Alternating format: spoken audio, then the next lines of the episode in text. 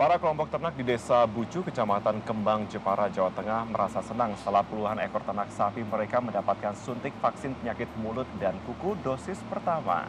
Sedangkan di Sukabumi, sedikitnya ada 300 hewan ternak di 36 titik kelompok ternak sapi yang diberikan vaksin sebagai langkah upaya pencegahan wabah PMK.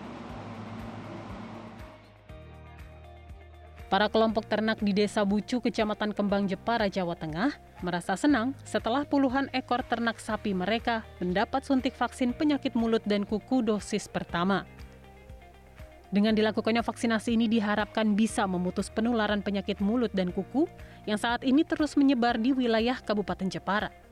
Percepatan vaksinasi penyakit mulut dan kuku di Kabupaten Jepara ini terus dikebut setelah mendapat dropping 3.000 vaksin dari pemerintah pusat. Untuk saat ini, proses vaksinasi dilakukan kepada hewan ternak yang benar-benar sehat. Dari data saat ini jumlah populasi hewan ternak yang ada di Bumi Kartini sebanyak 54 ribu hewan ternak. Dari jumlah tersebut, hewan ternak yang dinyatakan positif penyakit mulut dan kuku sebanyak 1.118 ternak, sementara itu untuk ternak yang sembuh sebanyak 428 ternak, dan ternak yang mati sejumlah 26 ternak. Sedangkan di tempat lain pemerintah Kabupaten Demak, Jawa Tengah menerima 500 dosis vaksin penyakit mulut dan kuku atau PMK dari Kementerian Pertanian. Sebanyak 187 ekor sapi di Desa Sidorejo, Kecamatan Karangawen, Kabupaten Demak, Jawa Tengah, dilakukan vaksinasi oleh tim Satgas PMK Dinas Pertanian dan Pangan Demak. Vaksinasi dilakukan terhadap ratusan ekor sapi betina yang dalam kondisi sehat dan sisanya kepada sapi jantan. Dengan adanya kegiatan vaksinasi diharapkan dengan proses vaksinasi ini bisa mencegah terus merebaknya penyakit kuku dan mulut pada hewan ternak. Sementara itu Bupati Demak Estianah mengatakan 500 dosis vaksin ini diberikan khususnya pada sapi yang tidak dijual untuk kurban. Selain antisipasi penyebaran, vaksinasi sendiri dilakukan dalam upaya penyelamatan sapi betina yang masih dapat bereproduksi. Berpindah ke Jawa Barat, menjelang Idul Adha, pemerintah daerah kota Sukabumi gencar melakukan pemeriksaan ratusan hewan ternak yang tersebar di tujuh kecamatan guna mencegah meluasnya wabah penyakit mulut dan kuku. Sedikitnya ada 300 hewan ternak di 36 titik kelompok ternak sapi diberikan vaksin sebagai langkah upaya pencegahan wabah PMK menyerang hewan ternak. Vaksin tahap pertama ini juga diberikan untuk sapi bibit dan sapi perah. Hal ini dilakukan untuk mempertahankan produksi sapi dan susu sapi di tingkat peternak. Di kota Sukabumi sendiri tercatat ada 77 kasus suspek dan dua positif PMK sejak kasus PMK ini merebak. Dari 79 kasus tersebut, pihaknya menyatakan 12 ekor dipotong bersyarat termasuk dua ekor yang positif PMK, 24 ekor sembuh dan sekitar 10 ekor sapi masih diisolasi dan dalam proses penyembuhan. Sisi lainnya, Kementerian Komunikasi dan Informatika Republik Indonesia siap dipilih kembali sebagai kandidat untuk di International Telecommunication Union atau ITU periode 2023-2026. Ya, Indonesia siap mengambil peran dalam transformasi digital global di Asia Pasifik. Hal ini disampaikan Menkominfo Joni G. Plate saat menjamu sejumlah duta besar negara asing anggota ITU dalam acara Jakarta Receptions Day sekaligus meminta dukungan sejumlah negara anggota ITU tersebut.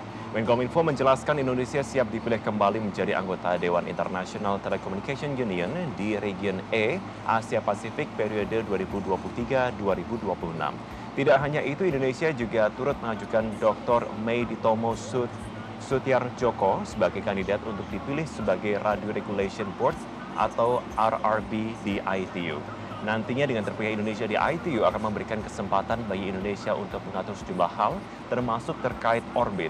Indonesia juga akan berkontribusi penuh untuk perkembangan teknologi informasi di negara berkembang.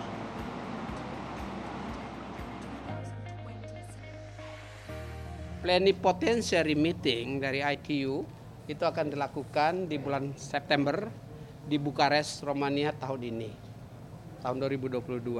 Nah kita perlu menggalang kerjasama dengan anggota ITU agar Indonesia sekali lagi dipercaya untuk mewakili regio E Asia Pasifik ya di ITU Council dan kita e, mempromosikan Dr. Media Tomo untuk mewakili ya mewakili kita dan negara-negara Asia Pasifik tentunya atau negara-negara yang sedang berkembang dan yang belum berkembang eh, sebagai perwakilannya di dalam menyusun aturan-aturan dan di dalam memperjuangkan eh, eh, hak yang lebih fair dan berimbang.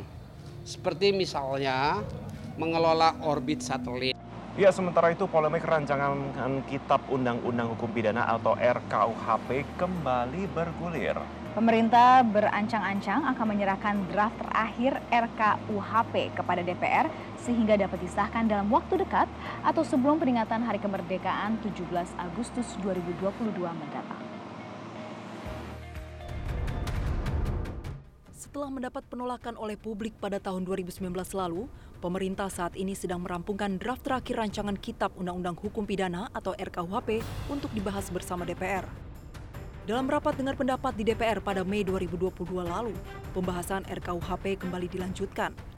Sayangnya pembahasan RKUHP tidak dilakukan secara transparan.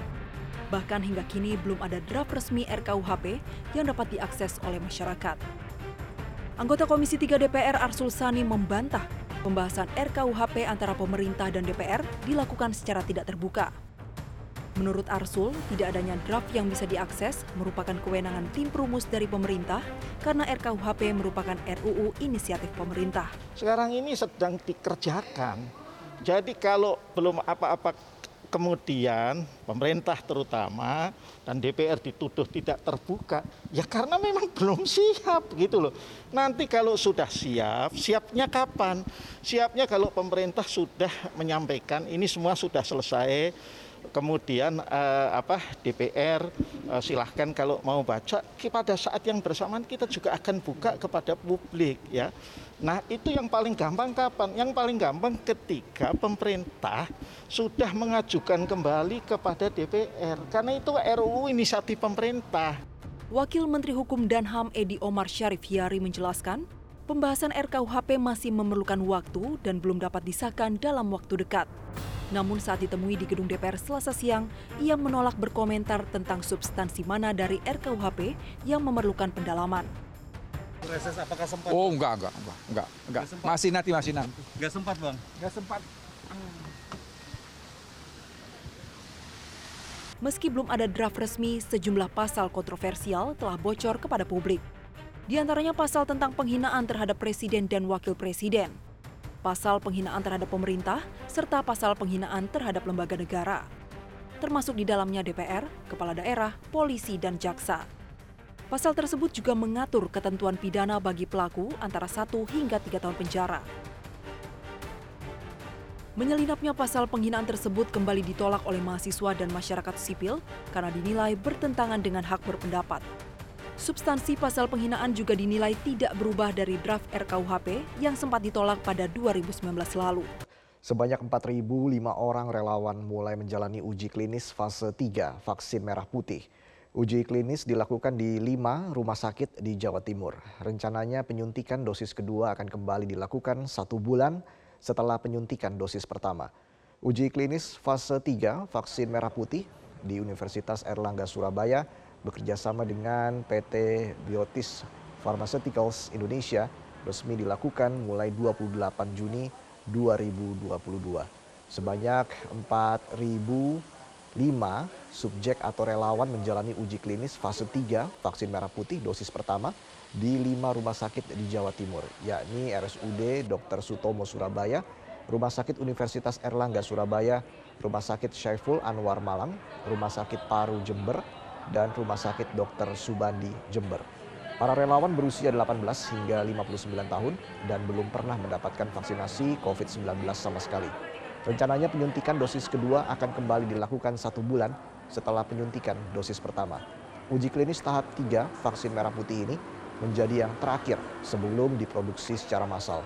Rencananya vaksin merah putih ini akan digunakan sebagai vaksin booster dan vaksin untuk anak-anak.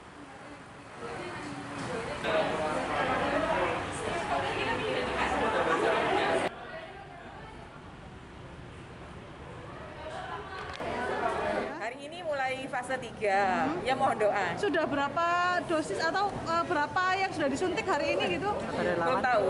Ini baru mulai kok hari ini. Oh, Gitu kira-kira ada ya. laporan berapa relawan untuk di Sutomo Oh, sendiri? 4.005 untuk fase 3. Fase 3? Iya. Di Sutomo semua apa? Enggak, jadi ada Bagi. beberapa rumah sakit ya. Hmm. Kalau di Sutomo sendiri ada berapa relawan? Dari Belum. 4.005 Nah, itu? ini tergantung, sangatlah dinamis. Gitu nggih? Mohon Sampai doa. berapa lama untuk yang dosis pertama ini? Oh Ini ya, tanya. tergantung tergantung berapa apa partisipan yang diperoleh. Iya. Terus setelah penyuntikan dosis pertama nanti dosis keduanya kapan? Iya, satu bulan. Satu bulan ya? Iya. Mohon doa nggih.